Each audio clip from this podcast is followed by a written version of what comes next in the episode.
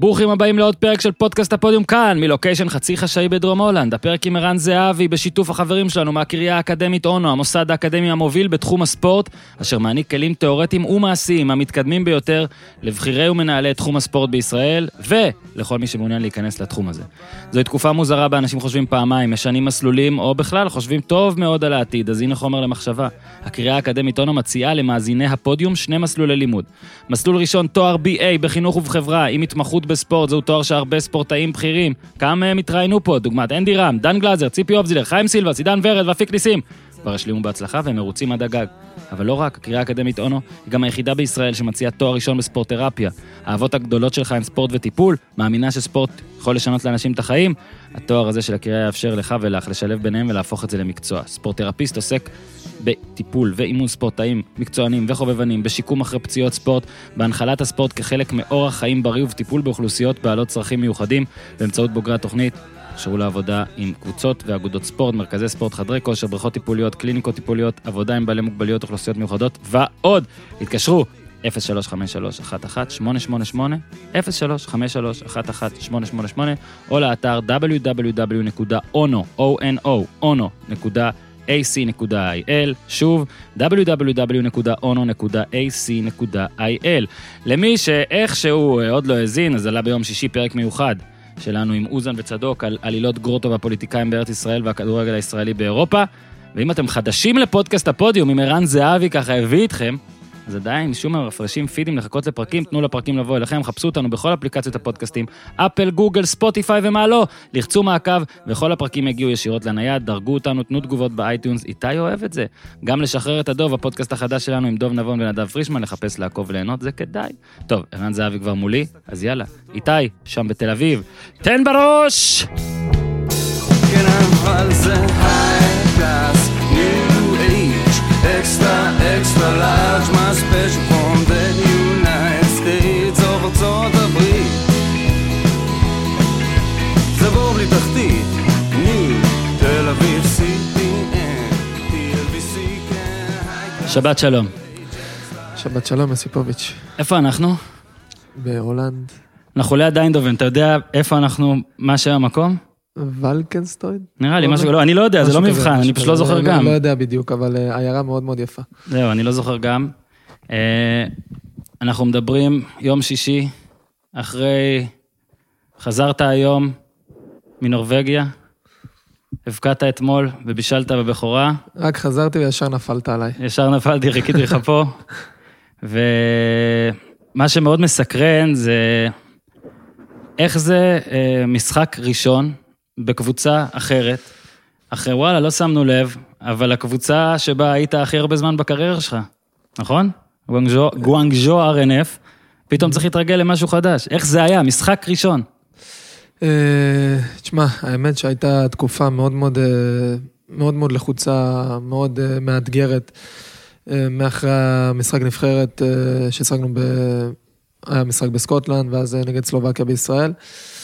ומשם, אה, אתה יודע, הדברים התחילו להתנהל... אה, אל תדאג, נדבר גם עליהם, אבל... לא, ברור, ברור. אה, הדברים התחילו להתנהל כמו, ש...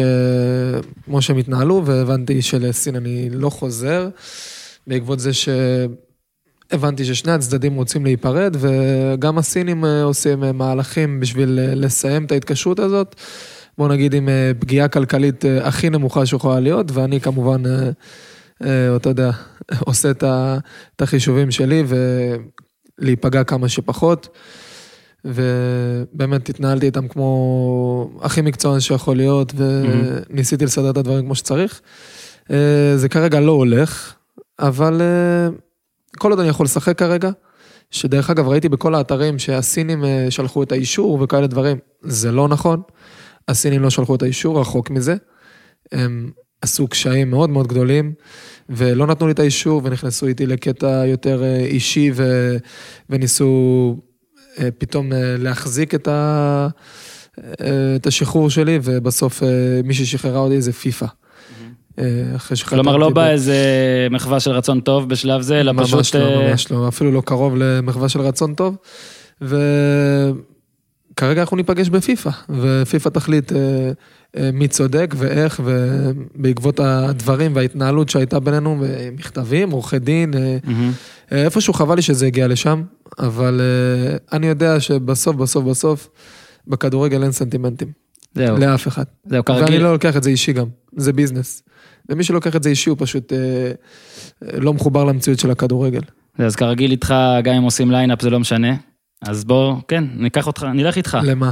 לא, נלך איתך על הסינים. אז uh, על הנושא הספציפי הזה, שאתה אומר uh, אין סנטימנטים, ואתה אולי הדמות שמייצגת את זה. זאת אומרת, uh, אתה יודע, מה שהיה אז הפועל מכבי ובכלל, אני- אבל עם הסינים הרגשת שזה יכול להיגמר ככה באיזשהו שלב? זאת אומרת, כן, לפני שנתיים, אני יכול כן? להגיד לך ש... שכבר לפני הרבה מאוד זמן אמרתי לרונן, רונן, תקשיב, ביפה זה לא ייגמר. אנחנו נגיע לפיפ"א איתם. הוא אומר לי, תקשיב, ולרונן יש הרבה מאוד ניסיון, ויכול להיות גם שבסוף לא נגיע לפיפ"א, אבל עובדתית, יפה זה לא נגמר. מהמם. כי אם שמת לב, אני כן נתתי הודעת פרידה ו- ותודה על הסינים ועל כל מה שעברתי בארבע שנים האלה, מאצלהם לא היה כלום, היה אפילו להפך. מה שאני חושב שהיה מאוד מאוד לא מכובד, הם היו צריכים לכבד את כל מה שעשיתי שם. ארבע שנים החזקתי את המועדון הזה עם הראש מעל המים, והבאתי אותו להישגים ושמתי את השם שלו אה, ליד הישגים שאף אחד לא עשה שם, ואני אומר לך משהו פה, אף אחד גם לא יעשה שם. ומה שעשיתי שם זה היה על גבול הבלתי אפשרי. הייתי יוצא עם משחקים, אני יכול להגיד לך שהיינו יושבים אחרי זה במסעדה והייתי אומר, אני לא מאמין איך נתתי היום צמד. אני פשוט לא מאמין שהצלחתי לתת אה, עוד גול. אה, כאלה דברים היו קורים לי. ובאמת, אה, אתה יודע, זה נשמע מאוד מאוד שחצני, אבל לפעמים גם צריך להגיד את האמת. והייתי צריך לזכות שם להרבה הרבה יותר כבוד. הם איפשהו נפגעו שבסוף מהמם. הם חשבו שאולי עוד קצת כסף ישאיר אותי, וניסו לשחק איתי משחקים במשא ומתן, שמה שלא אהבתי בכלל.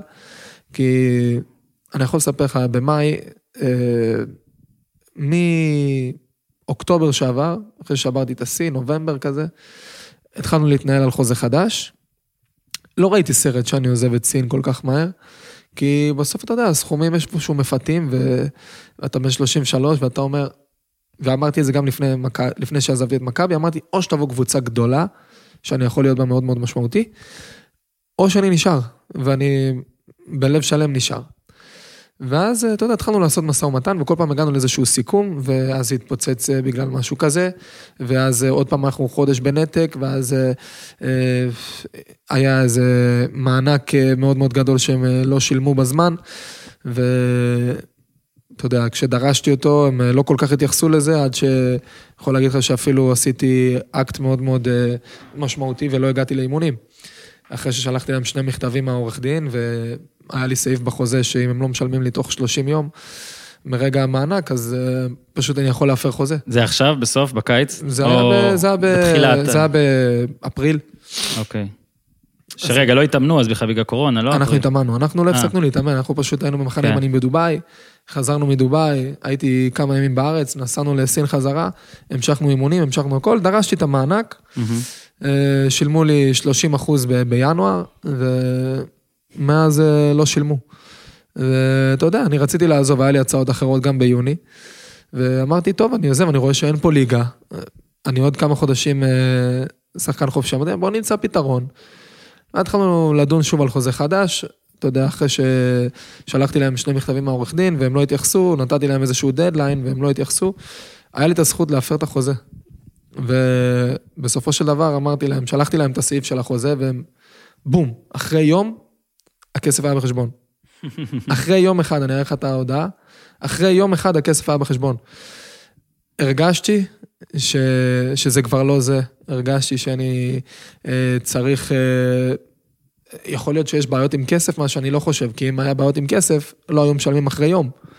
פשוט מנסים למשוך ומנסים לעשות אה, דברים כאלה ואחרים, אה, אולי רוצים להוריד את הסכומים, אולי, אני לא יודע מה האינטרס שם. קשה מאוד להבין אולי אותם. גם הם ייצאו אותך.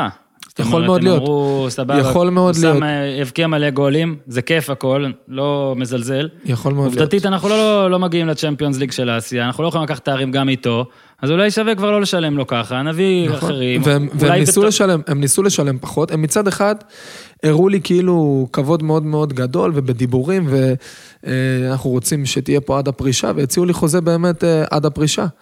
ואני יכול להגיד לך שישבתי אחרי, אחרי הקטע הזה עם ה... שלא הגעתי לאימון, ופשוט אמרתי להם, עד שאני לא נפגש עם הבעלים, ישירות עם הבעלים, אני לא מגיע לאימונים.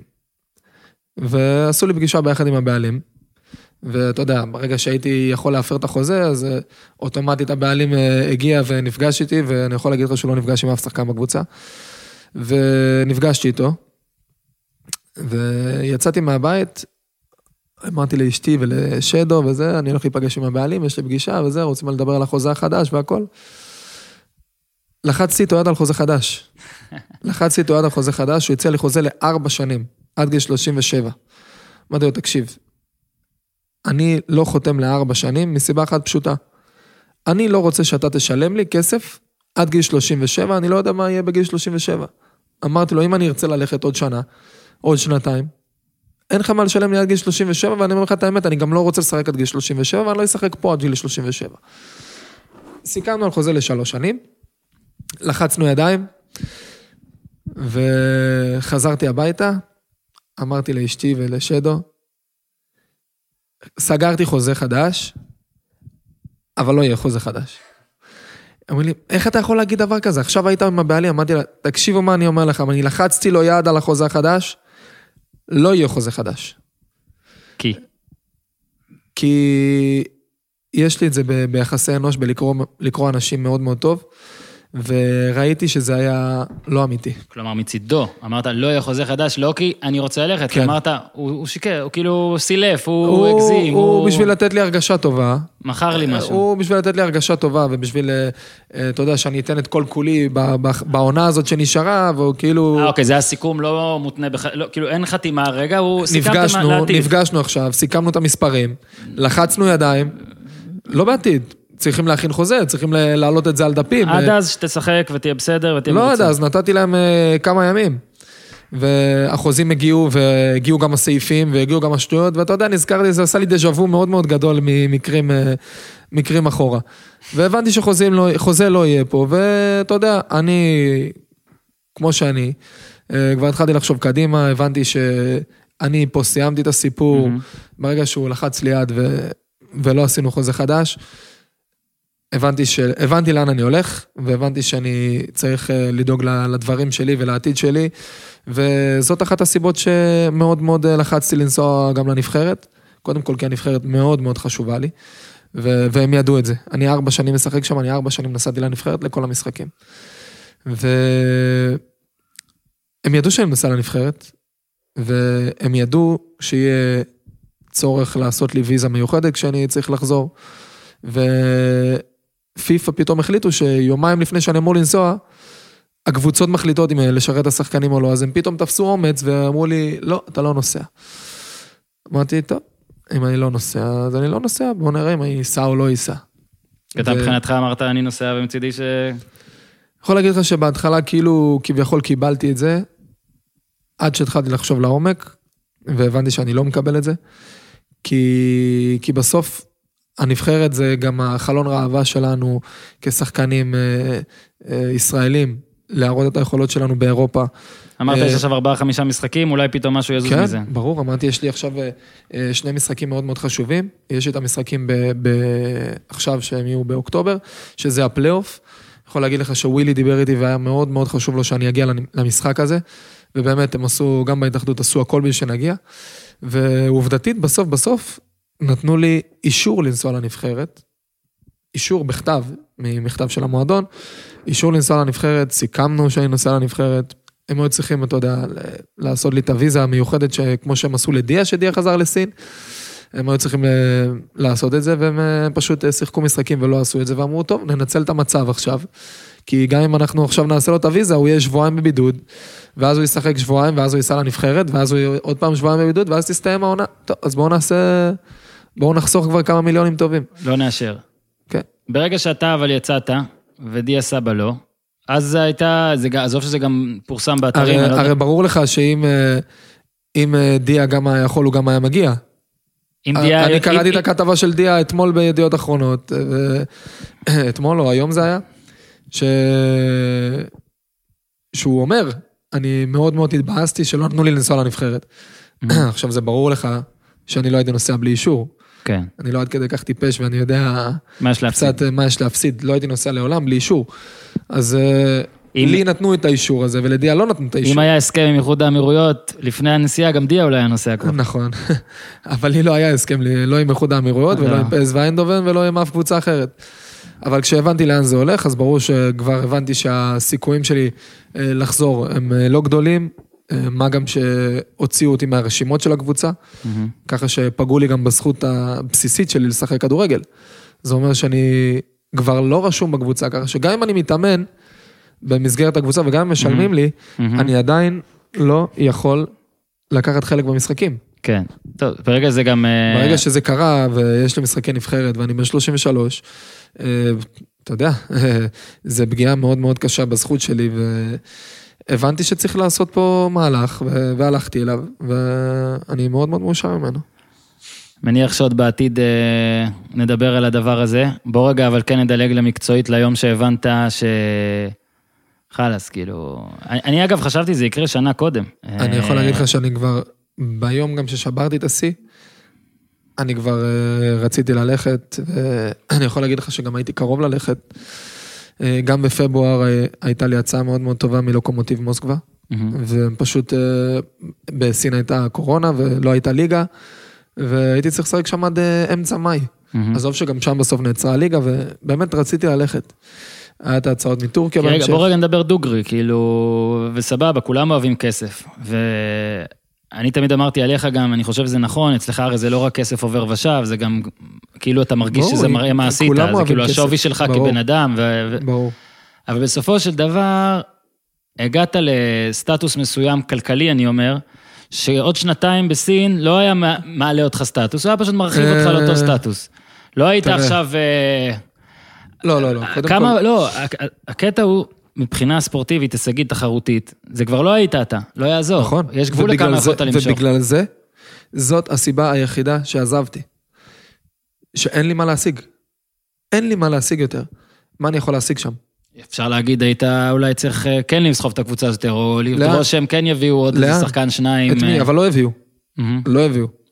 אפילו להפך, זה התנהל שם בצורה, אה, בשנה האחרונה, מאוד מאוד לא טובה, לא אהבתי את זה. אני יכול להגיד לך שהביאו צוות מקצועי טוב, שמנסה ו- ועובד. ובאמת, אה, אבל אתה יודע, אתה יכול להביא גם את אה, גוארדיולה, לא? אבל... כמה בלי- מהלכים הקבוצה הזאת רחוקה מליגת האלופות של אסיה? רחוקה, ארבעה? רחוקה שנות אור כרגע. שנות אור. יכול להגיד לך שכשכל הזרים שלנו היו בכושר, ו... אז אולי היינו יכולים לעשות משהו, אבל עדיין צריך חיזוק, צריך שחקנים אה, אה, שבאמת אה, יש להם הרבה ניסיון בליגה, ניסיון בקבוצות טובות, ניסיון בקבוצות גדולות. אתה לא יכול להתחרות עם הקבוצות משנגחאי, בייג'ין, אה, אוורגרנד, אתה לא יכול להתחרות איתם עם הסגל השחקנים שיש לך, זה לא יעזור. אתה יכול לעשות את זה, שנה אחת עשינו את זה בהפתעה, הגענו למקום חמישי, כמעט עלינו לליגת אלופות, זאת הייתה שנה מדהימה.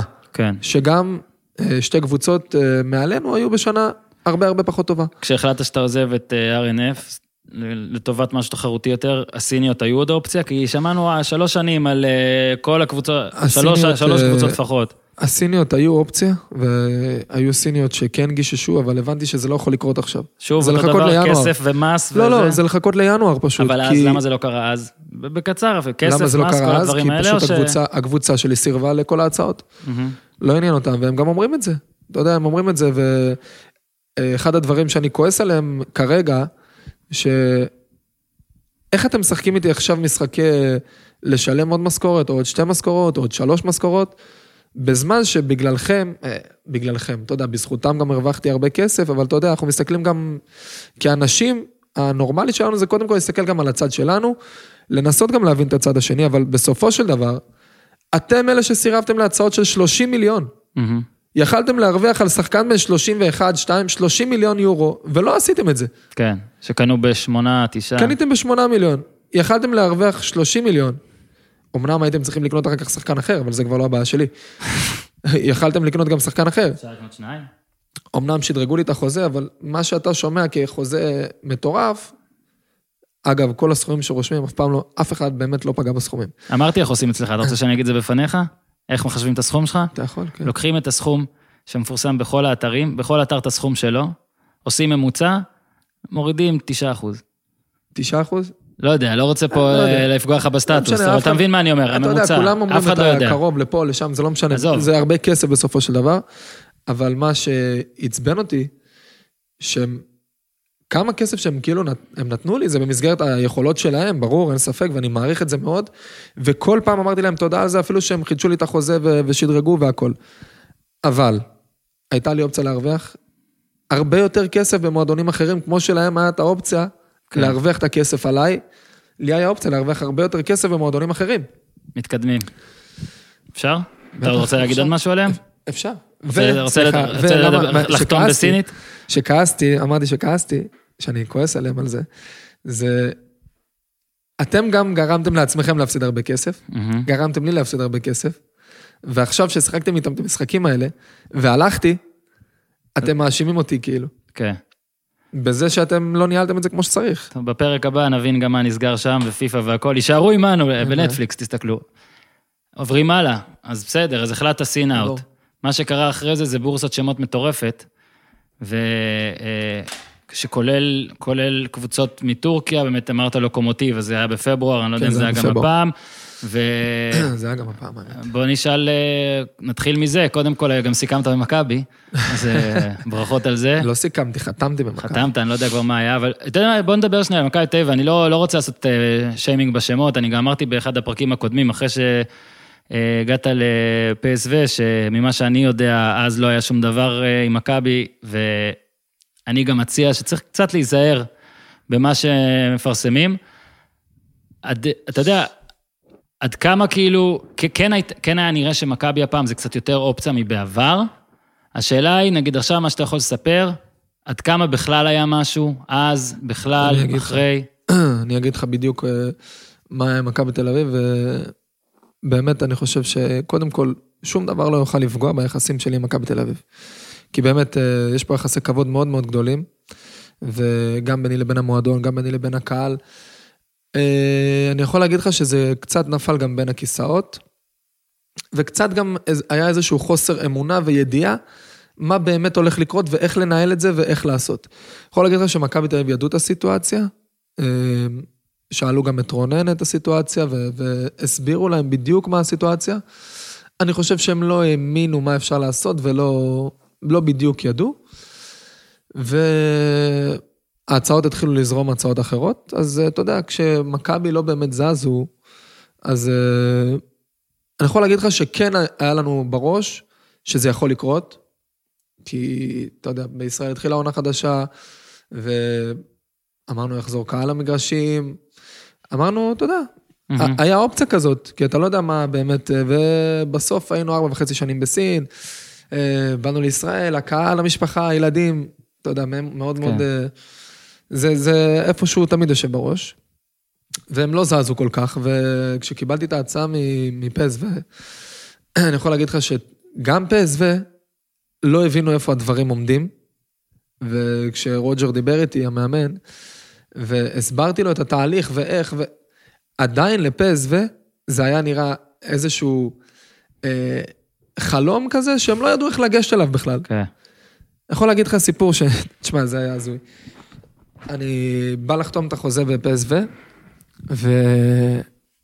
ולפני שאני חותם, קודם כל זה היה מגניב, חבל על הזמן.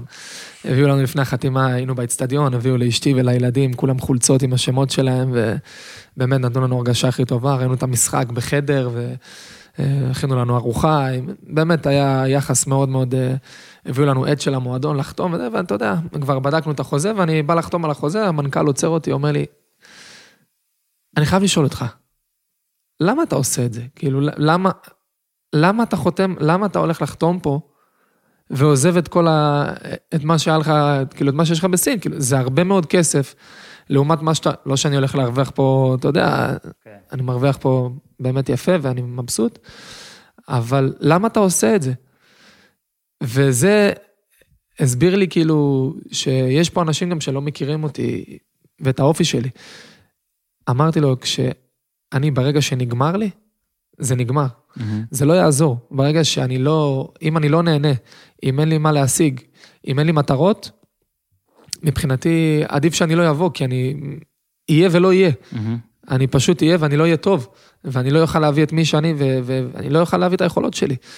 ואמרתי לו משפט, אמרתי לו, תקשיב, ברגע שאני לא אהנה פה, אתה גם לא תראה אותי. והוא צחק והתחלנו לחתום על החוזה. גם איתך זה ייגמר בסנטימנט, בלי סנטימנטים. יכול להיות שכן, יכול להיות שלא, אבל הוא, הוא הבין למה עשיתי את זה, כי חיפשתי אתגר טוב.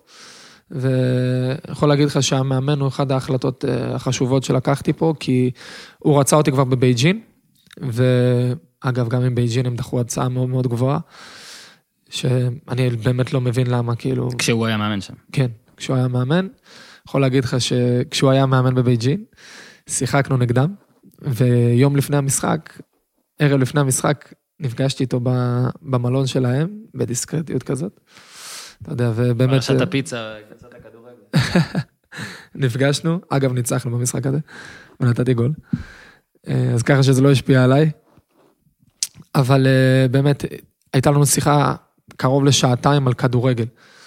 והוא ראה מעבר לשחקן, הוא ראה מישהו שהוא יכול אה, באמת אה, להתחבר אליו, לסמוך עליו, או... ו... ומשהו אחר.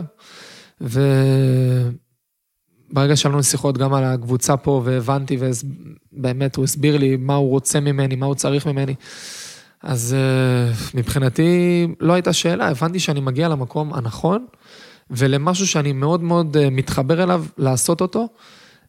יש פה הרבה שחקנים צעירים, וגם בנבחרת יש הרבה שחקנים צעירים, אני חושב שזה השלב הבא, אני כרגע בשלב הבא של הקריירה שלי. אני בשלב הזה שצעירים מסתכלים עליי, צעירים אה, אה, לוקחים ממני השראה, אה, לוקחים ממני דוגמה, וגם בנבחרת אני עושה את זה הרבה מאוד, ואני מדבר עם הרבה מאוד שחקנים צעירים, אני יכול להגיד לך שאני חושב שיש לי השפעה טובה עליהם, ואני בשלב השני של הקריירה ש... פתאום, אה? לקח, פתאום.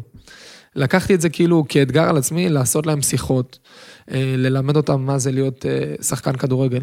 אני חושב שהדבר הבא במדינה שלנו זה ללמד שחקנים איך להיות שחקני כדורגל. כי זה לא לשחק כדורגל. זה לא, זה לא לשחק כדורגל. לשחק כדורגל אפשר לשחק גם בשכונה. להיות שחקן כדורגל זה חבילה, זה מפעל, זה אתה המפעל של עצמך. אתה צריך להתייחס לכל דקה ביום, איך אתה נהיה שחקן כדורגל יותר טוב. ואם זה מהדברים הכי קטנים, אם זה לא לפספס ארוחת בוקר, ארוחת צהריים, ארוחת ערב, לדאוג לכל הדברים האלה, איך מתאמנים, בתוך האימון איך מתנהלים, אחרי ניצחון איך מתנהלים, אחרי הפסד איך מתנהלים, בתקופות קשות, בתקופות טובות. כל הדברים האלה, שיש לך כסף, שאין לך כסף, כל הדברים האלה, זה כל המסביב, שהוא מאוד מאוד מאוד חשוב לשחקן כדורגל. אז באמת, הבנתי שפה יש הרבה מאוד שחקנים צעירים, הרבה מאוד שחקנים מוכשרים. הקצב באימונים הוא מטורף, היכולות הפיזיולוגיות שלהם הן הרבה יותר גבוהות. אה, אתה יודע, מכל מקום אני ששיחקת מאוד מאוד בו. שומר על עצמי, ובאמת, אני, אתה יודע, אני בקצב ואני מרגיש טוב, ו... אבל אני לא בא להתחרות איתם בזה. מהמם. להפך, אני בא לעשות אותם יותר טובים. אני לא בא לקחת את המקום של מאלן לדוגמה. ממש לא, להפך, אני הולך לעשות את מאלן יותר טוב. אני רוצה שמאלן יהיה איתי יותר טוב ממה שהוא בלעדיי. שמע, זאת, זאת אה, כאילו, זאת אה, שחצנות מהסוג הטוב. לא, זה לא אומר? שחצנות כאילו, שאני עכשיו מי הולך ללמד אותו ואומר, משהו. אני אהיה הכי טוב, אתה בא ואומר, אתה תהיה יותר טוב בגללי. לא בגללי, בזכותי. ביחד איתי, כן. ביחד איתי אני מאמין שהוא יכול לעשות דברים יותר טובים. כי בסוף, אה, אתה יודע, גם איפשהו, זה שיש לו תחרות של מישהו שמבקיע עוד שערים, גם ידחוף אותו קדימה. ואם יהיה מישהו שייתן לו גם כדורים ויפרגן לו. ו- או ימשוך הגנה, או או- ימשוך את ההגנה, או יעשה תנועה שהוא יהיה פנוי. או, או לתת לו בישולים. או לתת לו בישולים, או באמת אה, דוגמה באימונים, אה, כל מיני דברים כאלה. אני לא יכול ללמד אותו כדורגל, זה ברור לך, הוא מוכשר ברמות, אה, ברמות על. הוא שחקן מצוין בלעדיי, הוא לא צריך אותי. אבל בסוף בסוף יש ניסיון ויש הרבה דברים מעבר, שאני חושב שאני כן יכול לעזור לו בזה. ויכול להיות שבאמת, אה, PSV פתאום ימכרו עוד ועוד שחקנים, לא שהם לא מכרו לפני, אבל אני חושב שיש שחקנים מנוסים ליד שחקנים צעירים, המיקס הזה הוא מאוד מאוד מאוד חשוב. הפסקה קצרה ברשותך, מר זהבי, לספר לכם המאזינים על סולמייט, יצרני מזון, בריא וטרי לכלבים וחתולים. הכלב שלי וינסנט נשאר בארץ, אני בהולנד, כבר כמעט שבועיים שאנחנו לא מתראים, יש לו dog sitter אחלה, חמד, אבל כמה ימים אחרי שטסנו הזמנתי לו מלאי חדש של סולמייט כדי שירגיש טוב כפרה על וינסנט, גם עם האוכל, גם עם החטיפים. עם סולמייט תחסכו כ-50% במחירים המקבילים בשוק על אותה האיכות. זה מיזם של יוצאי יחידת עוקץ, סוגריים, כמוני, למען כלבים, מאת האנשים שהכי אוהבים כלבים. לסולמייט מערך משלוחים נהדר, שיעזור לכם להימנע מלצאת מהבית בתקופה זו, ולקבל את כל מה שצריך עד אליכם. המזון שלהם מיוצר בהולנד ובגרמניה תחת התקנים הכי מחמירים בעולם. היי גיל יחזקאל בעלי סולמייט, אולי אני אסע לראות איך זה קורה? זה כבר בהולנד, זרוק לי עצם. בקיצור, התקשרו, כוכבית 6808, כוכבית 6808, או כנסו לאתר סולמייט, S-O-U-L-M-A-T-E. נקודה co.il, אפשר גם לכתוב סולמייט בעברית בגוגל, בחרו את המוצרים שלכם, מזון, אמפולות, חטיפים, ועל כל זה יש לכם, מאזיני הפודיום, חמישה אחוז הנחה, הקישו קוד קופון POD, זה pod, POD באנגלית, ותזכו להנחה על כל מה שתקנו, אז תודה שבאתם. סולמייט, ואי אפשר בלי החברים שלנו מביר בזאר, הפרימיום של הבירות, עם מארז חדש לתקופת הסגר המעצבנת, מארז שכחו אותי בבית, המארז שיכניס לכם קצת fun. אה, לתוך הבית, שמונה בירות craft, הישר מהמבשלה, פלוס צ'ופרים שווים שיש רק בביר בזאר, כולל חוברת צביעה לילדים, munch מלוח ואפילו פותחן. היכנסו לאתר ביר בזאר co.il, בחרו מארז, הקישו הפודיום לקבל 10% הנחה, לא לשכוח ללחוץ הזן כדי לקבל את ההנחה, הפודיום 10% הנחה, המשלוח חינם, ויאללה, לחיים. בחזרה לזהבי. בואו רק נקבור את אה, נושא שתי הקבוצות אה, לפני, אה, לפני PSV, אז רק לסכם את עניין מכבי, ששוב, אני עושה ספוילרים, גם על זה עוד בטח בעתיד נוכל לשמוע. אז בעניין מכבי, לא, בדיוק. אני אפילו אעזור, מה הם היו צריכים לעשות כדי שזה כן היה קורה? כי לפי מה שאתה אומרת, אתה אומר צריך לי, לעצור אותי לפעמים, כי אני עובר מסיפור לסיפור ראית לסיפור, אני עושה את זה, אתה אני יודע... מנסה לעשות את זה בנימוס הולנדי כבר, זה לא לא, רעיון לא, אל ישראלי. תעשה את זה בנימוס הולנדי, תעשה את זה בעצבנות מרוקאית. נו, אה, אז עם מכבי פשוט הם לא הבינו את, אה, את הדברים ואיך אפשר לעשות אותם, ואני יכול להגיד לך שהם קיבלו רעיונות איך לעשות את זה. אבל... אה, מאוחר מדי. מאוחר מדי, כי באמת אה, כשכבר אה, נוצרה השיחה שהייתה צריכה להיווצר, כבר היה לי חוזה בפס ואיינדובן, וכבר עשיתי, אתה יודע, עשיתי כבר ויזת עבודה, ובאמת אה, לעשות סיבוב פרסה כזה, זה היה מאוד מאוד לא מכובד מבחינתי, וגם לא חשבתי שזה נכון. בטח ובטח שלא היה, לא היה פה שום דבר, אין קהל, ככה שזה לא משך אותי. מהמם. כשאין קהל, מבחינתי, אני אומר לך, אחת המחשבות שלי לחזור למכבי תל אביב זה אך ורק הרבה מהאהבה שקיבלתי מהקהל, להחזיר למועדון. בלומפילד גדול יותר. בלומפילד אה, גדול, מלא, אתה יודע, הדברים שאתה באמת אה, חולם עליהם ושאתה, כאילו, בשביל זה אתה חוזר, אתה לא חוזר לשחק בבלומפילד ריק, עם כל הכבוד, אה, אתה יודע, שורה- זה לא, זה לא מעניין אותי. שורה תחתונה, אם הם היו עושים אולי משהו X, Y, אני לא יודע מה, אז אולי זה היה קורה. להיות, אה, יכול מאוד להיות שזה היה קורה, כן. זה עדיין לא אומר שזה לא יכול לקרות. בעתיד. אתה יודע, בעתיד, ברור שזה יכול לקרות, אבל אה, באמת היה מומנט פה שאם הם היו עושים אה, מה שצריך לעשות, אבל אתה יודע, אני חושב שהם, אה, יכול להיות שהם ניסו לעשות ב- במסגרת היכולות שלהם, אולי פייר פליי, או... אתה יודע, בגלל זה אמרתי, שום דבר לא היה... לא נעלבת או משהו. לא, ממש לא. להפך, אפילו אמרתי להם, תקשיבו, כל הצעה היא מכובדת, היא מכובדת מאוד. כי בסוף, בסוף כל הצעה שאתה מקבל, אתה צריך לכבד את הצד שמציע את ההצעה הזאת, כי יכול להיות שזה הכי טוב שהוא יכול לתת לך. קיצר, זה לא היה קרוב. אה, לא היה גם כזה רחוק אה, מאוד, לא. לא היה האוהדים כזה. של מכבי כבר בחרקירי עכשיו, אחרי העשר דקות האחרונות כזה. לא, לא, יודע. לא, לא, לא, כי זה באמת, אה, כשזה הפך להיות קצת יותר רציני, זה כבר היה אה, סוף ידוע מראש. כן. כי... אבל כן יש הרגשה שתהיה שם. זאת אומרת, אה, הדבר אני היחיד אמרתי, ש... אני לא פוסל את זה לגמרי, הדבר היחיד ממש לא. שגרם לי עכשיו לחשוב שאני טועה זה שנתת את האמרה הזאת על הבן 37. אתה לא תרצה לשחק עד בן 37 בכל מקרה, או תלוי איפה? 37 זה עוד ארבע שנים, אורן. נו. יש לי חוזה לשנתיים בפסו. נו. זהו, ושנתיים תחנה. אחרונה? נו, אמרתי. שנתיים פס ושנתיים מכבי, זה מה שאמרתי. זה 37, מה אתה. רוצה? סבבה. אה, אוקיי, לאחרי 37. חשבתי שאתה... לא, אחרי 37 חשבתי שבאת אני- לסינים, אמרת עד 37. אחרי 37 אני במלדיבים. אחרי 37, מה אתה במלדיבים? שם כן. תגור? אה, עוד קבוצה מבנק השמות שהיו שסתם מעניין, זה מה שהיה עם אה, פנרבכצ'ה, ויותר מעניין אותי באמת הקטע פה הדיגיטלי. אה, תשמע, זה היה, וואי, זה היה הזוי. כמעט חתמת ב-433. אני אגיד לך, אה, ארבע שלוש, תשמע, זה היית יותר. קרוב לשם, ושם... אה, שמע, זה היה מגניב, אבל זה גם מראה כמה העולם הווירטואלי הוא... זה, זה פשוט אה, שטות אחת גדולה ובלוף אחד גדול, כל, ה, כל עולם האינסטגרם הזה וכל הווירטואליות הזאת, זה באמת, זה עולם מאוד מאוד מטומטם מבחינתי. בגלל זה אני גם לא משקיע בו כל כך הרבה... יש כאלה שעכשיו יגידו, אה, אבל אתה כן אה, הרבה מעלה והכל, ורואים לייפסטייל אני- ומשפחה. אני, ו- אני אגיד, קודם כל, רוב האינסטגרם שלי זה כדורגל ומשפחה ודברים כאלה. לייפסטייל שלי, אתה לא תראה הרבה. תראה עכשיו לאחרונה, כי קצת אה, הגזמתי. בוא נגיד. שעמם לך. נשאבתי, כן, שעמם לי קצת, הייתי צריך לעשות רעש. באמת. מהמם. אני אומר את זה באמת, שעמם לי, הייתי צריך כן. לעשות רעש, העליתי. אבל אה, אני אסביר לך. זה לא האמת. פנרבכצ'ה, מה שהיה, זה דבר פשוט.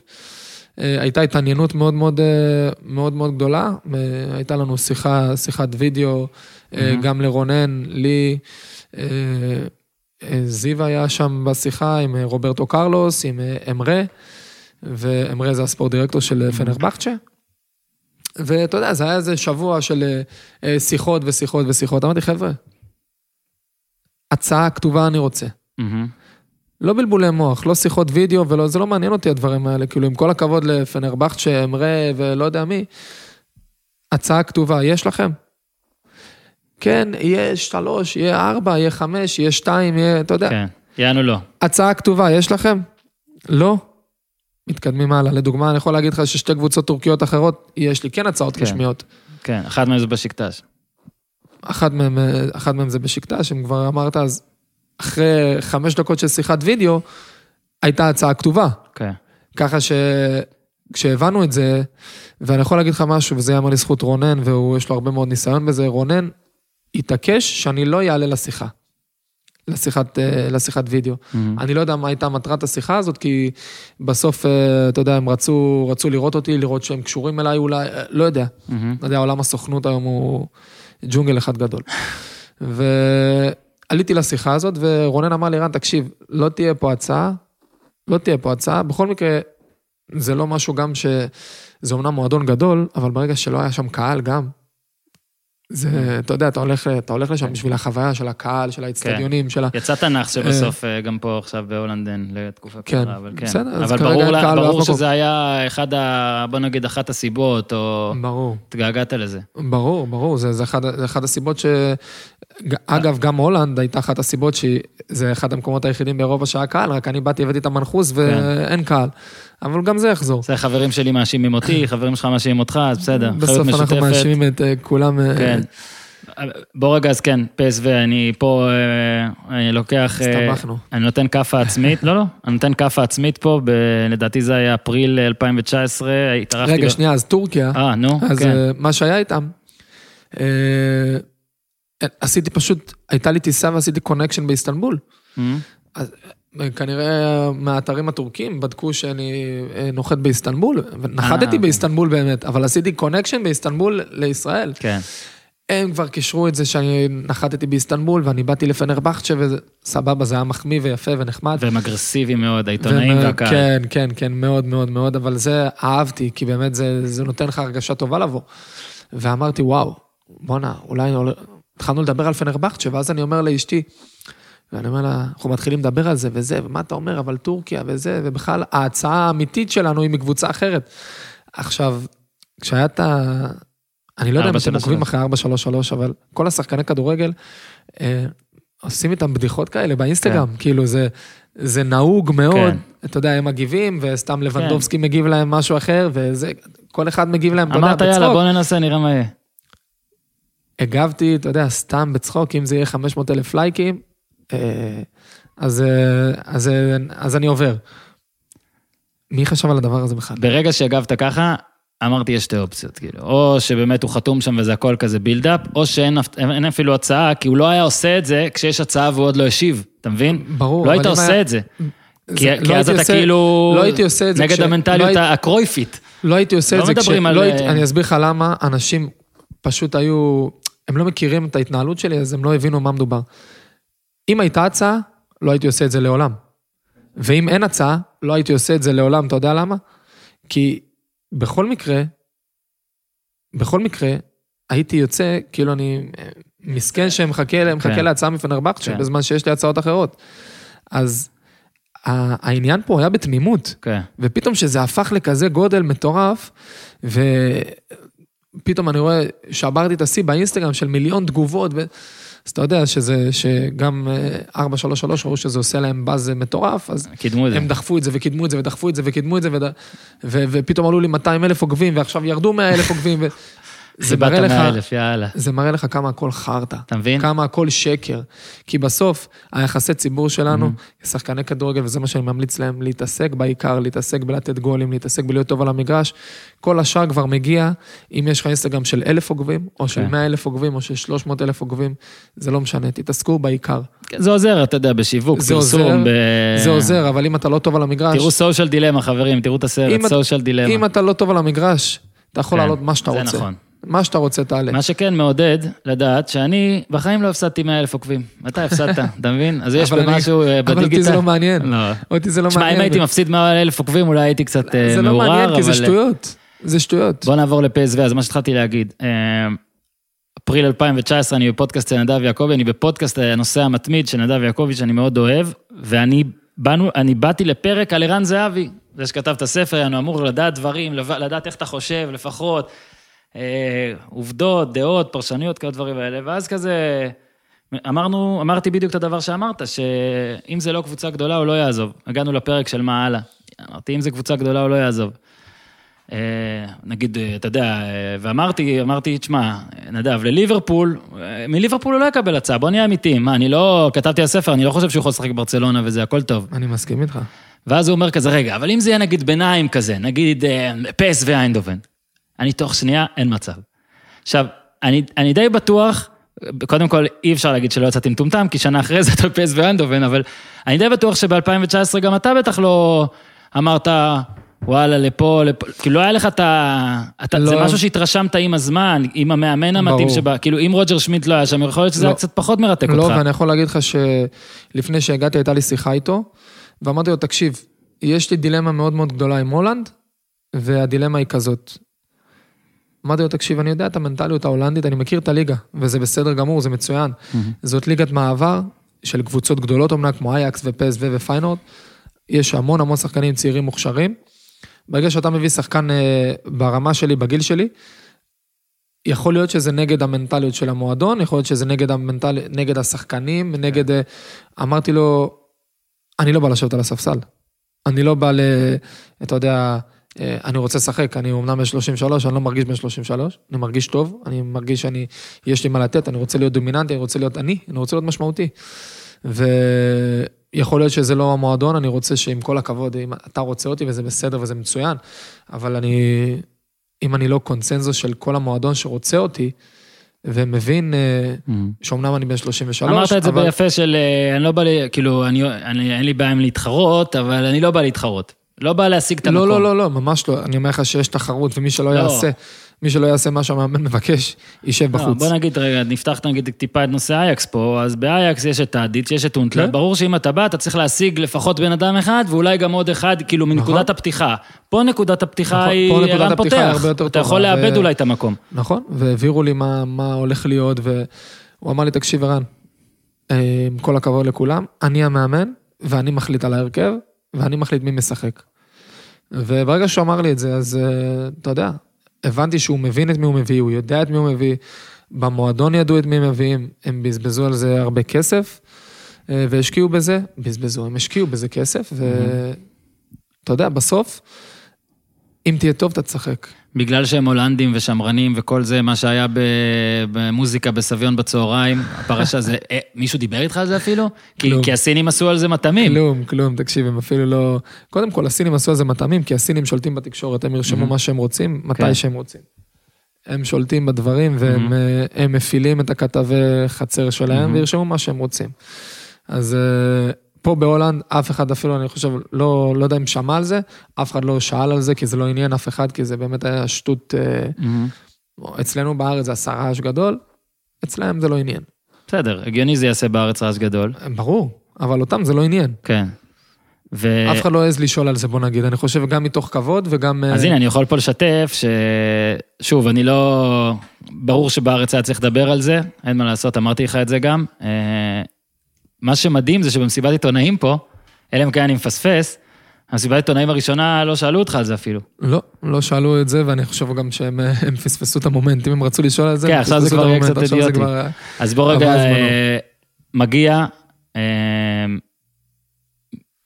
אימון ראשון, אימון שני, אימון שלישי, לא בא שחרור, דיברנו על זה כבר בהתחלה, אז לא, לא נמחזר את זה. מה הדברים עכשיו שאתה יכול להגיד? אנחנו שוב, אתה שבועיים פה בערך, כמעט שבועיים סוגר, מחר זה שבועיים בהולנד. עניינים ענקיים שאתה שם לב, השוני בכדורגל ובחיים עצמם. אה, תראה, קודם כל, אה, אני לא מאלה, ואני לא דוגל בזה. אה, זה, זה גם תמיד מעצבן אותי שאני רואה את הדברים האלה.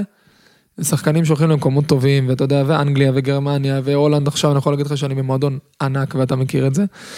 שאומרים עכשיו, מה, זה עולם אחר וכל הדברים האלה. כן, נכון. זה, כן, נכון, זה, זה עולם אחר והכל, ו, והכל סבבה. אבל אה, אני לא אוהב קצת לפגוע בכדורגל הישראלי. אבל איך אני אגיד את זה? זה התנאים, המזג האוויר, ה- הרצינות באימונים, הרמה של השחקנים, שיש כל כך הרבה שחקנים טובים מהמם. באותה קבוצה, אוטומטית הרמה עולה. הדרישה, ה- הידע שנותנים לך, הדברים שהשחקן מקבל, אני לא חושב זה- שזה זה גם ירידה על הכדורגל הישראלי, כי אני חושב, ש... זה- אני חושב שעד עכשיו שיחקת בישראל, באיטליה, בקבוצה שהיא נגיד לא הבכירה, היא בדרג, עכשיו עזוב, אבל אז היא הייתה דרג אה, נגיד שני, ואני מחמיא נראה לי, ואז סין. מערב אירופה לא עשית. ומונס נכון. למשל, היה אצלנו פה בפודקאסט אצלי, ואמר איזה הבדל היה בין סביליה לאופנהיים לטובת אופנהיים. אתה מבין? זאת אומרת שכנראה באמת גרמניה, הולנד, זה קצת, שוב, גם כן. אם הרמה, אף אחד לא יגיד שבהולנד הרמה יותר טובה מהליגה הספרדית, אבל אני חושב. שיש ענייני אימון ואיך שמנהלים את ה... נכון, אני חושב קודם כל שמה שמונס אומר, יכול להיות שזה, מבחינ... הוא מדבר על מבחינת אה, תנאים של אה, לא, מגרשי הוא דיבר. אימון, אה, הוא אמר המתחם אבל של גם הקבוצה. האימון עצמו הרבה יותר האימון- פיזי האימון עצמו וארוך. הרבה יותר פיזי וארוך, וה, והדרישה, זה מה שאמרתי. הדרישה, כן, יש כאן עוד דור או שלי- גיל נכנסה לחדר, זאת... קדימה. אני לא לא אזהה, שתדעו, עוד דור או גיל נכנסה. גיל, גיל. גיל. כל הזמן, את דור לא ראיתי, אז בסדר. הנה גיל, את בפודקאסט. יפה. לא, גיל, את יכולה ללכת. לכי, תחזרי עוד מעט. יש את הקטעים האלה שבגלל הזום אנשים מדברים ב... ביי ביי. בבית, מותק. כן. זה כמו הקטעים... אני חוזרת ואני רואה אתכם סיימתם. אוקיי. נתנה לנו שיהיה ברור. זה לא יוצא בעריכה. אין מה לעשות. בקיצור, אז התנאים באמת אה, הרבה יותר טובים והרבה... יש פה הכל, באמת, הכל מהכל. המתחם הוא פסטורלי, הוא באמצע היער, אה, מזג אוויר מצוין לכדורגל, אני לא אוהב אותו כל כך. אה, אמיתי. כן. המתחם יש בו כל מה שצריך, אם זה מבריכה, סאונה, חדר טיפולים ברמה מאוד מאוד גבוהה, חדר הלבשה גדול. דשא מחומם. אה, דשא סינתטי בפנים, חדר כושר ענק, אה, מטבח, אוכל. כל מה שאתה צריך, אפילו מסיבות עיתונאים עושים ב, ב, Mm-hmm. במקום שיש למסיבות עיתונאים מיוחד. הכל יש במגרש, הכל יש במתחם אימונים, כל מה שאתה צריך. עכשיו, בוא ובאמת- רגע נ- נתחבר לאיפה שרציתי להתחיל. אתה עולה למשחק הראשון, בוא רגע, כי לפחות לי מהצד זה נראה שלא יודע, אולי אתה צריך קצת פחות תיאום עם שחקנים אחרים. הרי כל הזמן שיבחנו את הקשר שלך עם מיכה, את הקשר עם מיטרוביץ', את הקשר עם דסה במעט זמן, זאת אומרת, את הקשר, אני מדבר לא אפילו עכשיו חברי, אני מדבר על המגרש. ואז אתה בא, המשחק הראשון, כבר בום, זה לקורה, סבבה, מישהו נגע, אבל עשית את התנועה ונראה לי שניסו למסור לך, אולי אני טועה, אבל אז, מה לי עם הכדור, ורואים את זה, זה מה שהתלהבתי, שרואים אותך מסמן לו, לשם, לשם, ועושה את זה, ואז אני אומר, תשמע, אולי באמת הבן אדם הזה לא צריך עכשיו כמה משחקים ותיאום, אולי יש אנשים שקל יותר לשחק איתם, או בוא תסביר רגע טקטית שנייה, איך הולך הדבר הזה. אני חושב שהחלק הכי, הכי חזק שלי, אתה יודע, פטר בוס אמר את זה גם אה, יפה, הוא אומר, אני לא הכי מהיר, אני לא הכי חזק, לא, אבל להבקיע שערים אני אבקיע, אבל זה, זה לא מבחינה של יכולות, יש לי גם יכולות, ברור.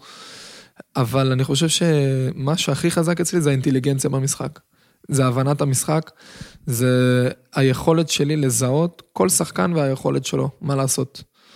וברגע שראיתי את מלן עם הכדור הזה, ידעתי שיש לו את היכולת לתת את הכדור הזה, כי ראיתי אותו באימונים, זה הספיק לי. אבל אה, יכול להיות שאם היה חלוץ אחר, הייתי בא לרגל, והייתי לא נכנס לרחבה כי אולי הוא לא היה עושה הרמה, ואז סתם נכנס לרחבה. אתה צריך לדעת את היכולות של השחקנים שמשחקים לידך, ולשחק בהתאם לזה. כן. זה נגיד כמו ש- דסה, תזוז לשם, מיכה, תזוז ברור, ככה, ברור. מלן, תזוז ככה. מיכה, אני יודע שהוא יכול למצוא אותי בעומק, והוא יכול למצוא אותי מול השוער, אני אעשה את התנועה, ואני אתן לו את ה... אני אגרה את העין שלו, ואני יודע שיש לו את היכולת לעשות את זה. דסה, אני יודע שיש לו את היכולת להכניס את הכדור בין, בין ההגנה לשוער.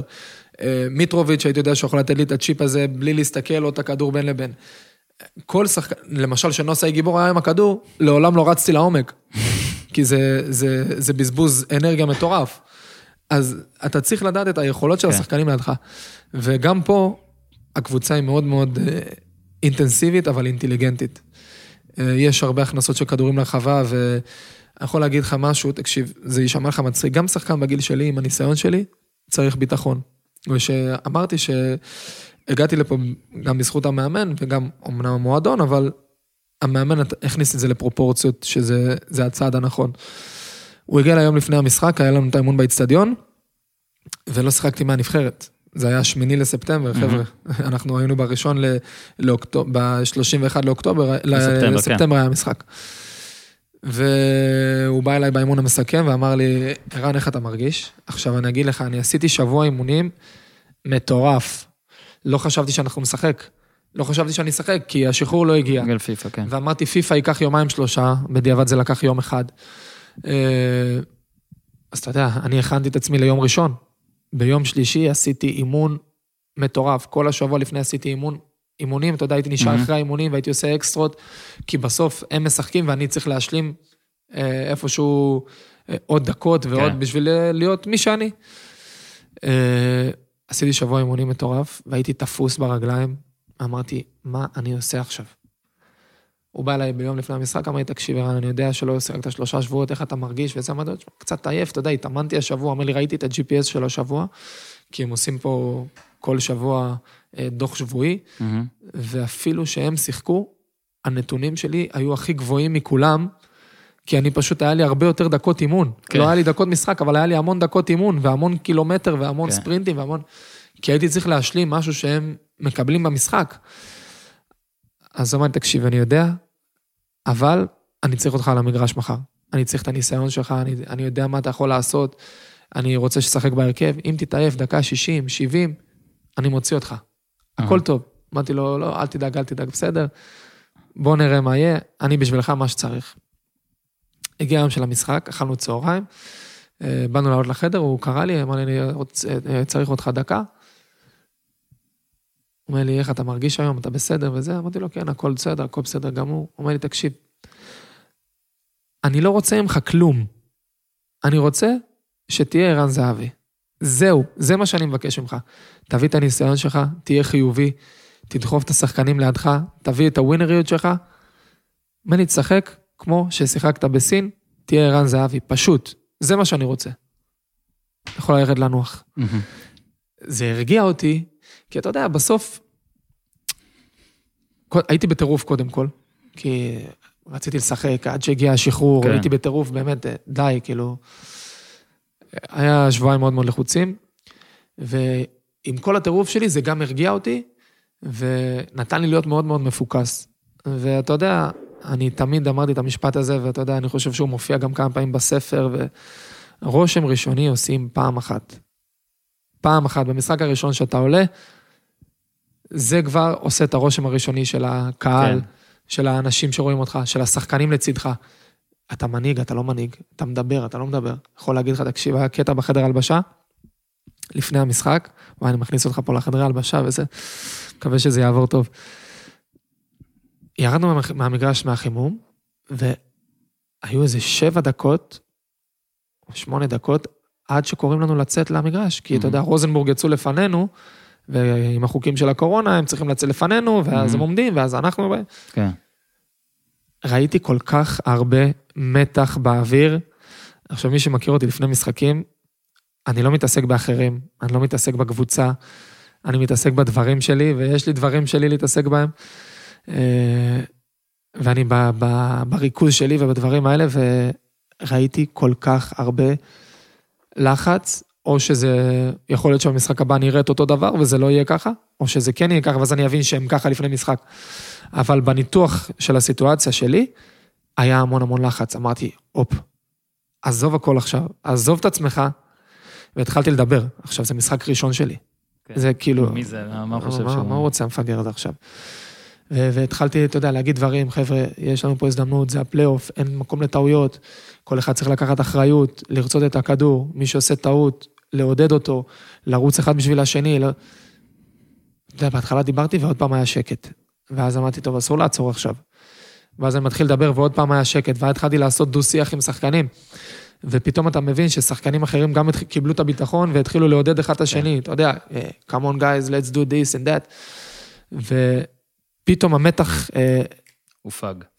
פג קצת ו- ו- ונשבר, היה מתח טוב ומתח בריא באוויר, ש... אתה יודע, היה לי איזה קטע שאמרתי, טוב, חבר'ה, בוא נשים מוזיקה קצת, אה, כאילו... כל זה בחדר הלבשה, כאילו? אתה יודע? אמרתי, זה, זה אפשרי לעשות את זה, לה- להפיג את המתח, כי אתה יודע, אתה רואה שחקנים ככה, כן. חושבים, חמש, שש דקות, כן. שקט, שקט, המאמן אפילו, אתה יודע, מכבד את הדרך ומכבד את... והבנתי שזה היה הזמן, כאילו... ופתאום אתה רואה שחקנים שכן סומכים עליך, ופתאום אתה מבקיע את השער, ושחקנים מקשיבים למה שאתה אומר, ושחקנים שואלים, ואומרים לך, תעשה ככה, ובוא אתה ככה. ו- ובאמת הרגשתי ש- שיש לי השפעה טובה. ומפה צריך לקחת את זה ו- ולמנף את זה למקומות טובים. וזה מה שאני אוהב לעשות, לקחת את הכוח שלי והמנהיגות שלי, ולמנף אותה למקום טוב, כן. לא הפוך. כן, כי אתה יודע, עד עכשיו באמת אולי הסטיגמה, אה, ואולי זה היה נכון עד לפני כמה שנים או שנתיים, לא יודע מה, אבל הסטיגמה באמת הייתה, מתעסק בעצמו, גם כשהוא טוב, הוא מתעסק בעצמו. לא, אני עכשיו עדיין ש- מתעסק בעצמי, קודם כן, כל אבל בשביל להיות טוב. חשוב לך, מאוד חשוב לך עכשיו, כמו שאתה, הנה, בשעה פה שאנחנו מדברים, כמה מקרים שכן אתה פתאום מאוד אחר. תלך אחורה, תלך אחורה למכבי תל אביב, להפועל תל אביב, תמיד הקבוצה, הקבוצה הייתה מאוד מאוד חשובה לי, גם פה בגואנזו. אני אומר, אבל הייתה סטיגמה הגבו- כזאת של... אבל הסטיגמה היא לא נכונה, כי הסטיגמה רואים, רואים את האמוציות שלי במשחק, ורואים שאני מבקיע כן. שערים ודואג לעצמי, ברור, כן, או כועס שלא מוסרים. או- ברור, גם מסי דואג לעצמו, גם מסי מבקיע המון המון שערים ובישולים ודואג לעצמו, אבל הוא דואג גם לקבוצה. גם הוא רוצה לעזוב קבוצה בפיפ"א. ואז אתה יודע, יש את הגול, יש את הבישול, נגמר, ובכל זאת, אתה יודע, המשפחה אמנם כבר הגיעה להולנד, אבל זה בנורבגיה, וזה פתאום אחרת, אתה בטח גם, בטח טס איתכם עיתונאי וחצי בגלל לא. הקורונה או משהו כזה. אף אחד. לא, אחד רק, אני יודע אה, שהיה, אולי הוא לא היה רק במשחק. של הקבוצה. אה, אוקיי. מה היה, נגיד, אחרי המשחק? איך- מה היה, כאילו, איך זה, וואי, איך זה אחרי מרגיש? כי זה המשחק- קצת אחרי אחרת. המשחק היה מצחיק, יש לי וידאו מצחיק של החיים. אחרי המשחק הם, אה, אתה יודע, התחילו, טוב, אה, אתה צריך לשיר היום. אומר להם, מה? אתה יודע, כאילו, עושים לך קבלת חדש, פנים, כן. כאילו אתה חדש, אתה טירון. צריך לשיר. כן, טירון, אני מרגיש, אני אומר, חבר'ה, חבר'ה, אני בן 33, כאילו, איפה אתם הולכים? אין, לא מוותרים. אחרי, אתה יודע, אתה צריך לתת נאום, ו- ושיר וזה, וזה עשיתי את זה, כאילו. שיר הולנדי קלאסי בטח. איזה שיר הולנדי? שרתי להם עומר אדם. נו, ברור. אתה מבין? איי, אנשים נפלו מצחוק, אתה לא מבין, זה היה מביך של החיים. אנחנו נצטרך את הוידאו הזה, זה בסדר. עכשיו, אה, הפסקה אחרונה, ערן, אה, לפינתנו המתהווה, תעשו טוב. הפודיום עוזר לעסקים קטנים לקבל במה גדולה, יש לנו גם פינה דומה שאנחנו עוזרים לאנשים אה, לקבל אה, רעיונות עבודה ואז עבודה, שניים כבר קיבלו, אנחנו מבסוטים. עכשיו, אנחנו עם Earphones IL. אתמול אחות של נועה בחרה לרוץ איתי שמונה וחצי קילומטרים. אורי, אנחנו מגיעים אליך. אז אה, בריצה הזאת לא השתמשתי באוזניות, אבל 90 ומשהו אחוז מהזמן שאני רץ לבד, אני משתמש באוזניות של Earphones IL, בהן אני מאזין לפודקאסטים שהם לא שלי. אוזניות Earphones IL תומכות גם באייפוד, גם באנדרואיד, עם אפשרות לחסימת רעשים ובדיקת אטימות באוזן, חיישני טאץ' למענה ניתוק, להעברת רצועה קדימה ואחורה, עיצוב מדויק של AirPods Pro עם קייס ועליו צג שמראה את אחוז הסוללה, כדי שתבינו מה קורה. האוזניות מחזיקות כשלוש-ארבע שעות נוספות, ניתנות במהרה בקייס, תוך כ-25 דקות מגיעות ל-100% סוללה, איכות הסאונד מצוינת. האוזניות מגיעות במארז עם כבל התנה קצר לכניסת אייפון, משלוח חינם לכל הארץ, אחריות של שלושה חודשים במקרים של כשלים טכניים. לא, כשאתם מפצלחים אותם, כשאתם שוכחים שהן עליכם, כשאתם מורידים מסכה, זה לא נחשב כשל טכני, אני מצטער. אירפון זייל. אז איך מזמינים? באתר sf-merch.com, sf-merch, m-e-r-c-h.com. יש קופון הנחה פודיום, אפשר גם לפנות בוואטסאפ. הוואטסאפ זה 054 8 130 129 0548 130 129 אמרנו 200 שקל, נכון? זה מחיר ממש ממש טוב, אז לא, זה לא הכל למאזיני הפודיום, 15% הנחה, 170 שקל, תגידו שאתם מהפודיום, תכתבו שאתם מהפודיום, תציינו, תצעקו, 170 שקלים, אחלה אוזניות יכולות להיות בתוך אוזניכם. אז תעזרו לאירפונס לעשות טוב, מזכירים, עסקים קטנים שרוצים במה גדולה, באופן נוח ונינוח, צרו קשר עם הפודיום, info at הפודיום.com, info at הפודיום.com, או בעמודי הפייסבוק והאינסטגרם. עוד קצת לקראת, אה, לקראת סיום, מבחינת אה, כל הקטע הזה של גיל, בואו נפתח את זה עכשיו. אה, ראיינו אותי גם לעדה, אה, עיתון גדול כאן, אה, וסיפרו, וגם אני יודע את זה מהמשפחה של נועם, מהחברים שלהם, שכשהתחיל להיות מפורסם PSV, הרי פורסם PSV אייקס קצת לפני זה. בסדר, אתה אומר שהוא טוב וזה, אבל בסדר, בן 33 והכל. עכשיו, אני אומר, שוב, זה גם, אני אומר את זה מולך, אבל מי שמאזין לפודקאסט יודע שאמרתי את זה גם לא מולך. אני באמת חושב שבגיל 33 עכשיו, אתה, אין, כאילו, אם אני הולך אחורה, אין אף נקודה בקריירה שהיית יותר טוב מעכשיו. או נקרא לזה בכושר כללי יותר טוב. שאני, יכול באמת להיות שעכשיו אתה קצת יותר איטי, או לא יודע, מתאושש יותר ליד זה, אני לא יודע. אני לא רואה את המספרים האלה.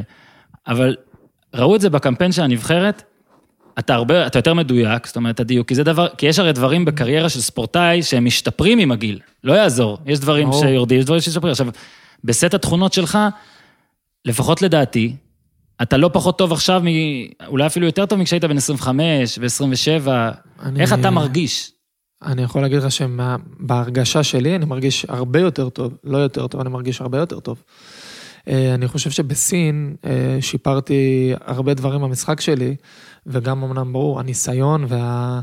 אה, אתה יודע, הדברים שגרמו לי לשפר את הדברים ששיפרתי, כמו אפילו דריבל, ללכת יותר עם הכדור, אה, לא לאבד כדורים, ניצול מצבים. אה, אני יכול להגיד לך שזה משהו שמאוד מאוד אה, שמתי עליו דגש, כי אמרתי, טוב, אני לא יודע מתי ההזדמנות הבאה. הי- הייתה איזו עונה שבקושי הגענו להזדמנויות, אומנם הבקענו הרבה שערים, אבל היה איזה חודשיים שממש לא הגענו למצבים. ועדיין אמרתי, טוב, מצב אחד יגיע, אני חייב להיות שם. אתה יודע, כאילו, שמתי את זה במאה אחוז אה, ריכוז ובעיטה, ועבדתי הרבה, אה, קודם כל, אתה יודע, אנשים רואים את העבודה שלי גם עם שדו בארבע שנים האחרונות, ששמתי על זה דגש מאוד מאוד גדול. זה עם החורים, הבדים האלה אה, של הזה? הכל, כל דבר הכי קטן, אני חושב שלקחתי, לקחנו את זה צעד קדימה, ומבחינת אימונים אישיים, ואני יכול להגיד לך שהיום אה, אה, הרבה שחקנים, אה, לא רוצה להגיד שמות, גם בליגה, גם אה, שחקנים מאוד מאוד טובים שאתה מכיר, מבקשים אה, את התוכניות שלנו ואת הדברים שאנחנו עושים, ואיך אנחנו עושים, ולמה אנחנו עושים, ומה אנחנו עושים באימוני שחרור, ומה היה באימוני סיומות, ובאיזה ריצות אנחנו עושים. כי אני חושב שזה באמת נתן דוגמה טובה לכולם, אבל לענייננו, אני מרגיש אה, הרבה יותר טוב מאשר גיל 27. מהמם.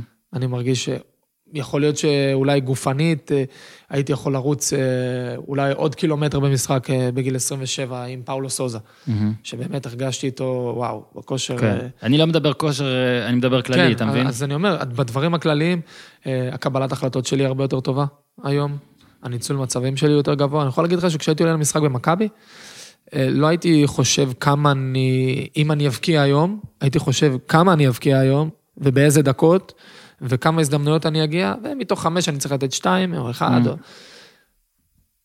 פה הייתי פשוט צריך להיות ב-200 אחוז ריכוז כל הזמן, ואני חושב שזה הוציא ממני איזה משהו אחר.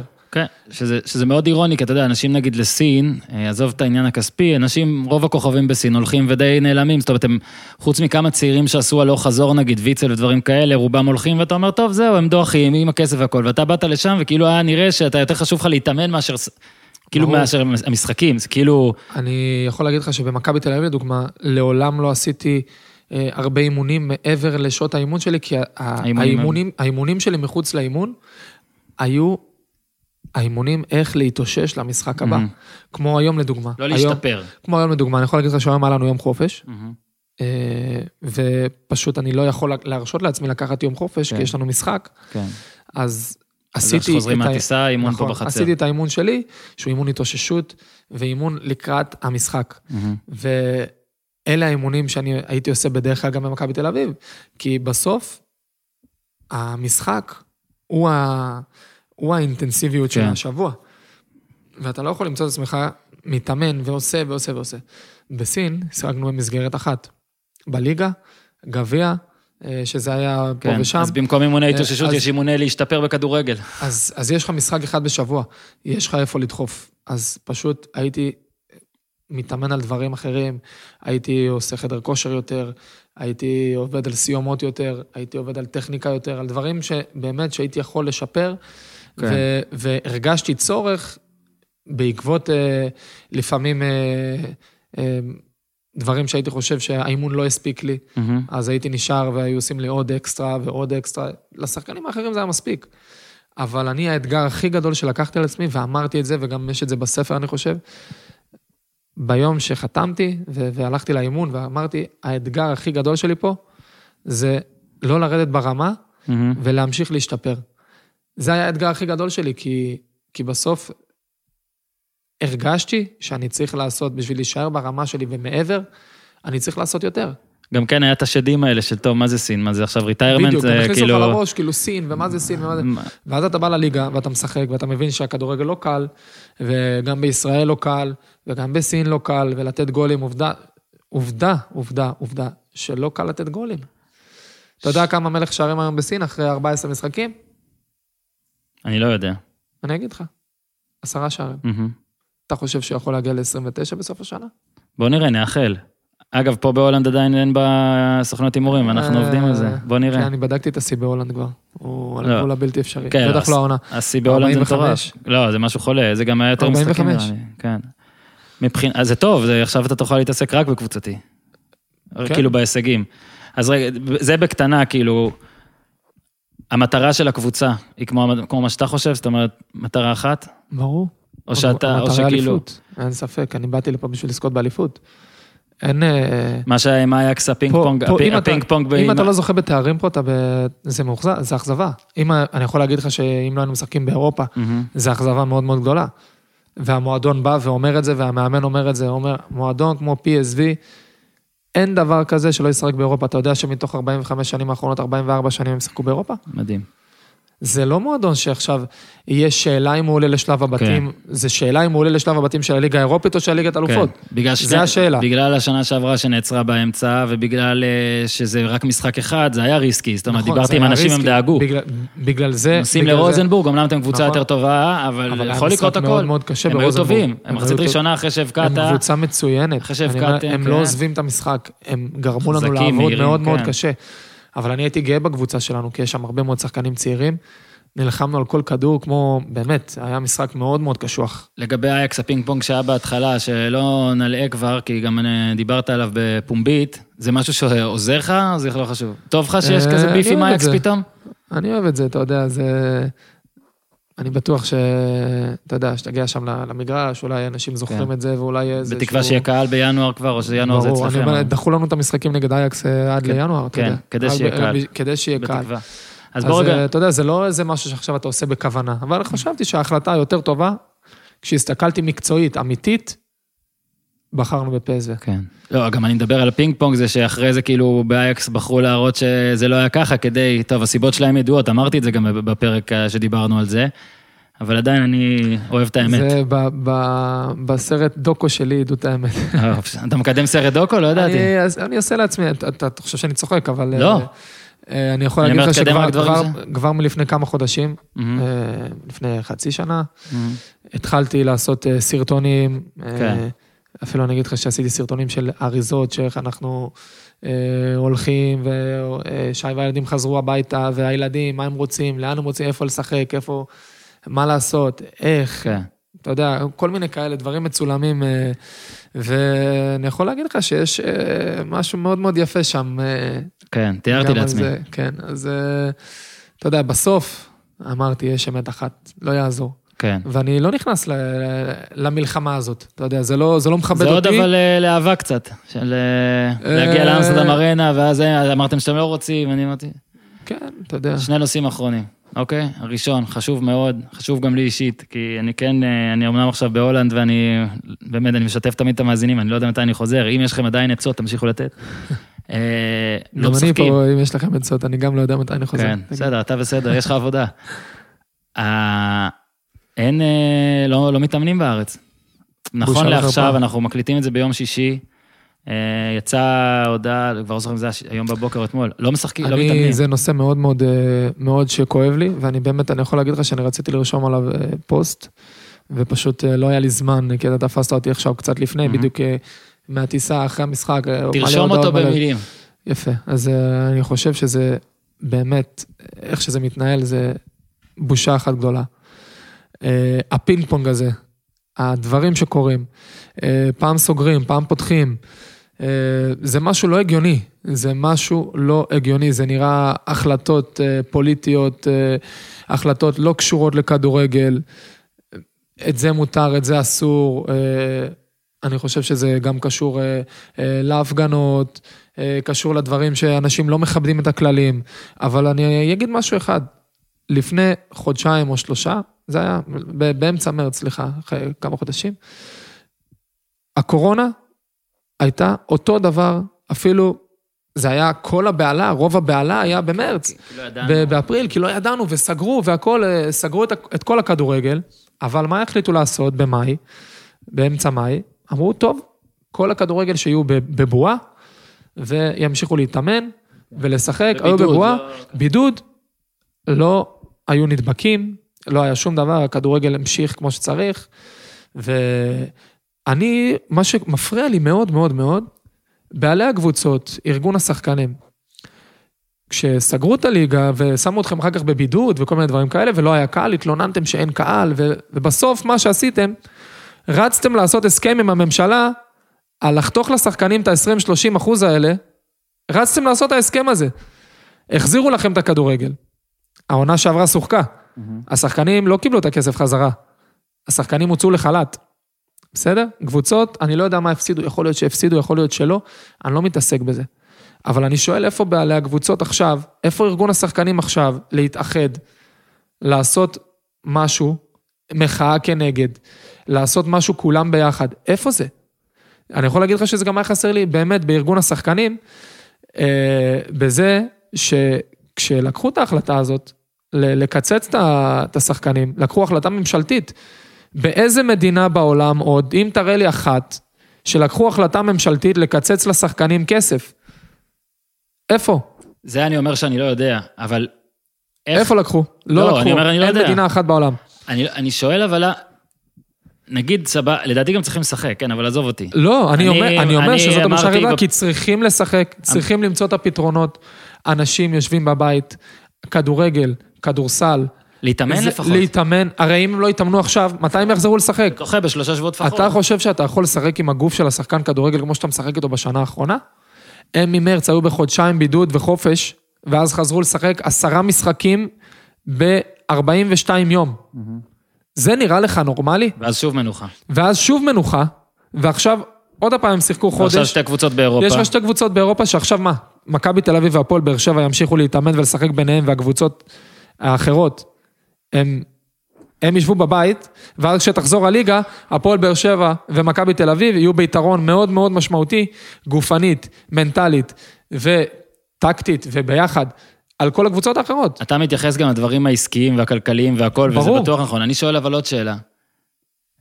לפחות בעיניי, מעט מאוד שחקנים מביעים אה, תרעומת עכשיו, אבל במרץ היה תרעומת כלפי, לא יודע, התאחדות, מנהלת, או לא יודע, על קהל והכל.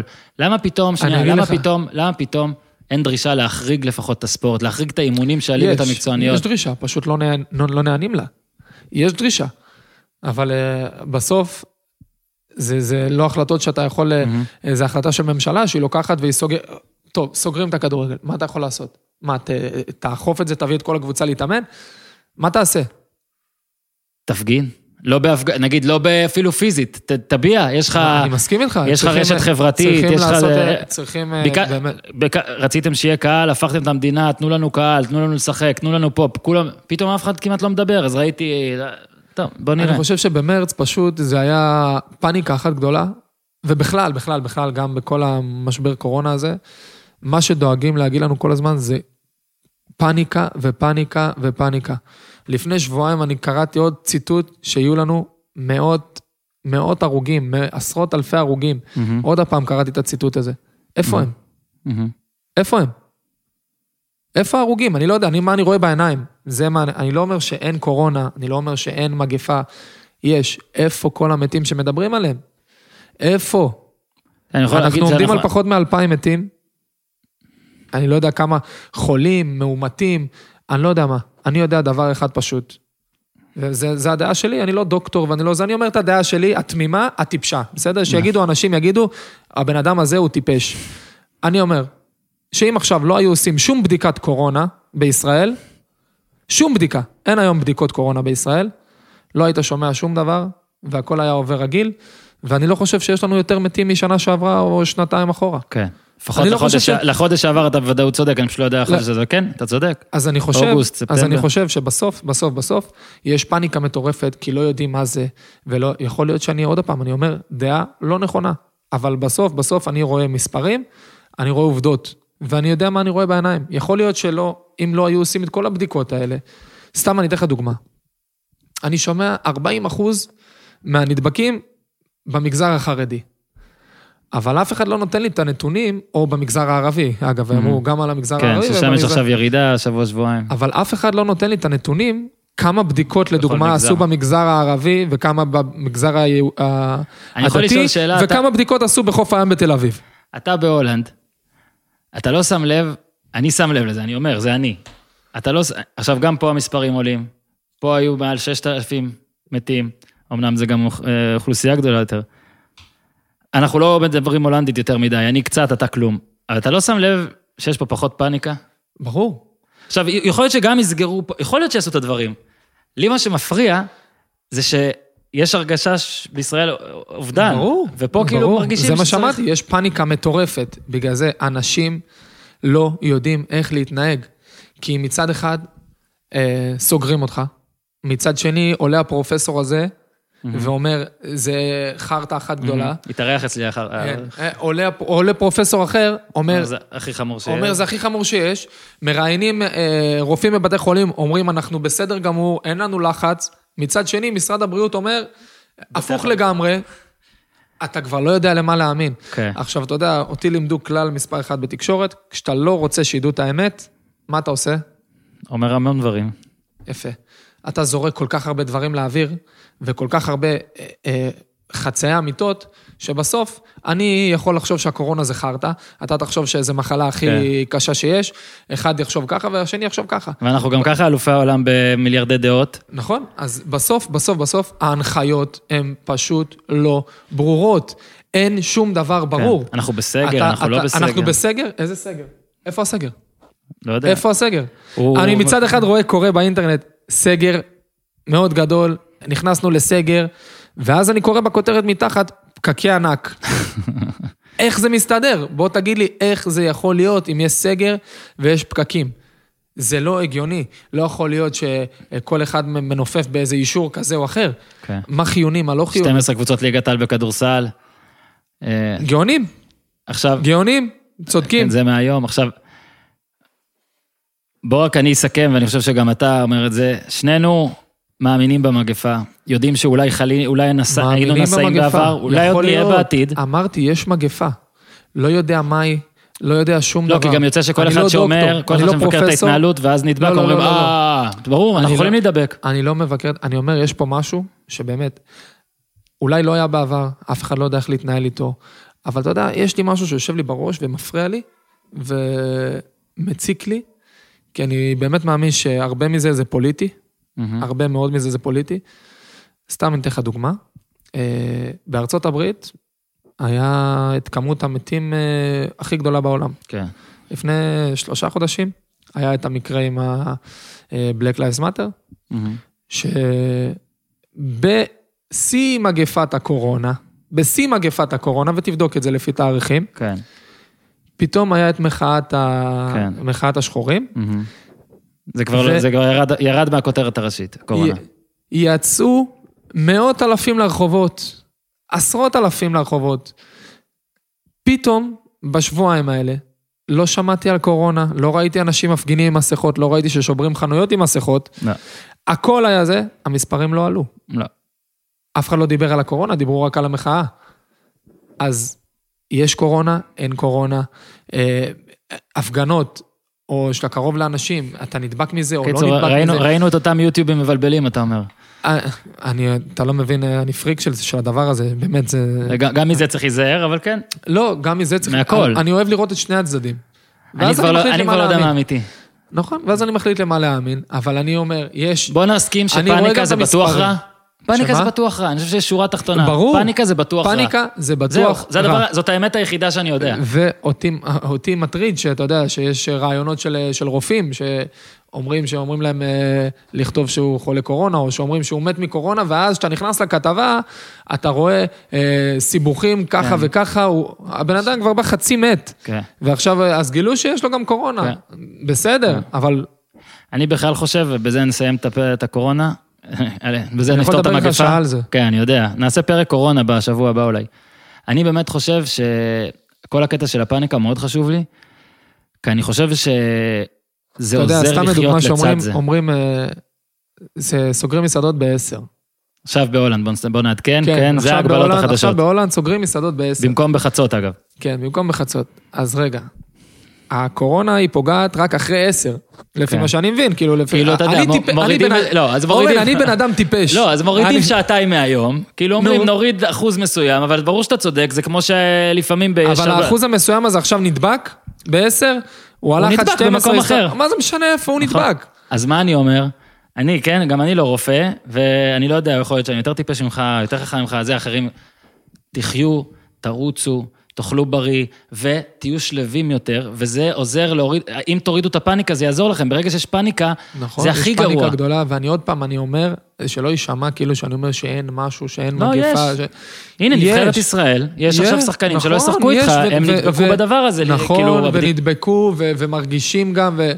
אבל אני יכול להגיד לך שגם משיחות שלי עם, אה, עם אנשים שנדבקו ושחקנים, אומרים, יומיים לא יכלתי לזוז, אה, כן. הרגשתי קצת אה, כן. טעם וריח, אה, נעלם. כן, עכשיו אני אשאל אותך, אורן, אם לא היו יודעים מה זה קורונה בעולם הזה, בסדר? לא היה קורונה, נתק, אין את נכון. השם הזה. אין קורונה. מהמם. הבחור הזה שאמר לי את זה, מה היה חושב שיש לו? שפעת, או משהו כזה. אני אני רק הרי- אעשה...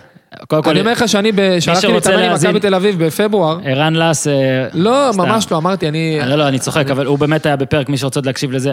אה, אני חושב שה... הקטע הוא שפשוט צריך...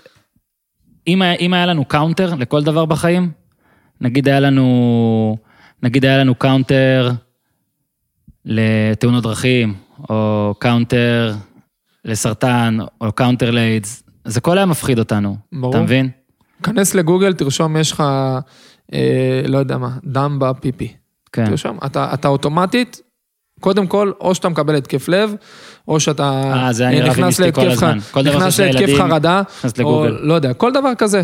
כן. אבל אי אפשר לחיות לפי זה, אני חושב שצריכים למצוא את הדרך לחיות לצד הדבר הזה, מהמם. עד שימצאו תרופה. גם הציבור, יש לנו, צריכה להיות לנו אחריות אישית מאוד מאוד גדולה. אני יכול להגיד לך שאני, כשהייתי בישראל, אה, אה, לא יצאתי הרבה מהבית. כן. לא יצאתי מהבית. ב...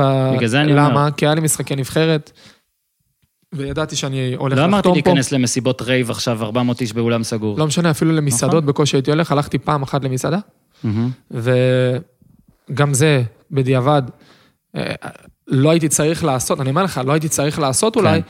אבל הייתי חודשיים סגור במלון ואמרתי, טוב, אני חייב לצאת ערב אחד, לנקות את הראש, לאכול משהו, ובאמת רציתי לעשות את זה. אבל גם אנחנו כציבור, אה, צריכים לקחת אחריות אישית, ולהיות יותר, יותר אה, אה, שפויים ורגועים.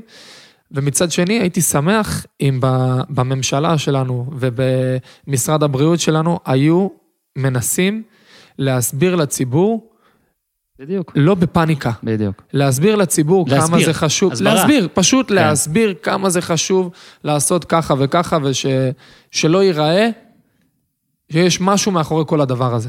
כן. בואו רק נגיד שזה הזמן גם להגיד, כי ראיתי שהתלהבנו פה ועלו הצעקות, אני מה- זה מקווה שאתם שומעים טוב, כי אין לי את איתי פה הפעם, אז אני סידרתי פה את כל הדבר הזה. אבל היה לך את גיל. אם, כן, אבל אם, אם, בוא נגיד שאם הפרק הזה פורסם, אז הצלחנו, אם לא, אז יש לי אותו בטלפון. אה, דבר אחרון, אני אה, הייתי בטוח שאין סיכוי אה, לנצח את סקוטלנד כל הזמן, אה, פסימיסט ידוע, ועכשיו אני הולך ל... לא יודע, לבאס אותך אולי עם, עם נאחס והכל, אבל? אני פתאום אופטימי.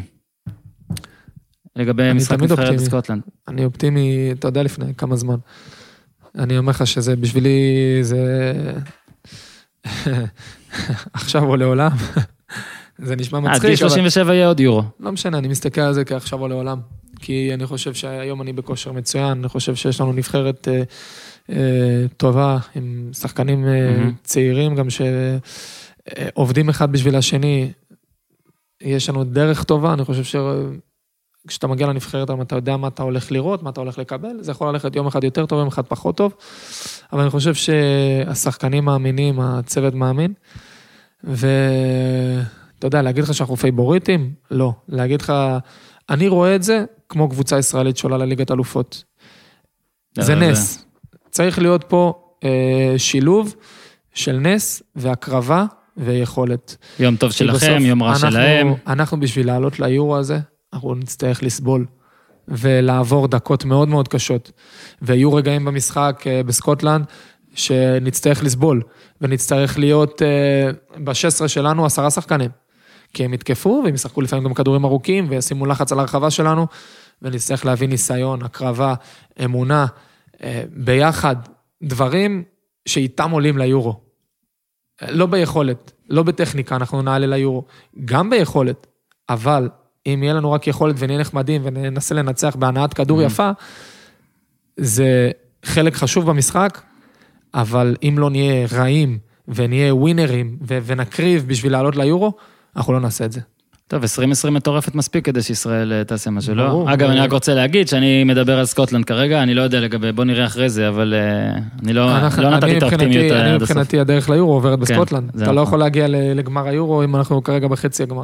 טוב, בש- בשבוע הבא שיחת קורונה ופרופסורים, ואז בפרק השלישי יוטיובים שאהבנו. אני מקווה שלא נשמעתי כמו פרופסור לאסה. לא, למה? קודם כל אפשר כמו כל אחד. לא, אין אני בעיה. גם אתה יודע, אמרתי, אני אירחתי אותו ותקפו אותי, ואירחתי... לא, זה. לא, לא, אני ממש לא. אומר ש- ניסיתי להביא את ה- את הדעה האמיתית שלי, כן, שאני חושב באמת שיש משהו, אבל אה, הפאניקה היא מטורפת. היא לא ו- בריאה. היא לא בריאה לאף כן, אחד. תרוצו. בקיצור, אה, תודה. רבה, תודה רבה, מר זהבי. תודה אה, רבה לך, שוב, אני מה זה. מקווה שזה הקליט. איתי, אם אתה שומע את זה, הצלחתי. אם זה לא. הקליט, אם זה לא הקליט, בזבזת לי. שעתיים מהזמן שלי, והוא מאוד מאוד יקר. עכשיו. יאללה, אוטוטו קבלת שבת. תעשו טוב.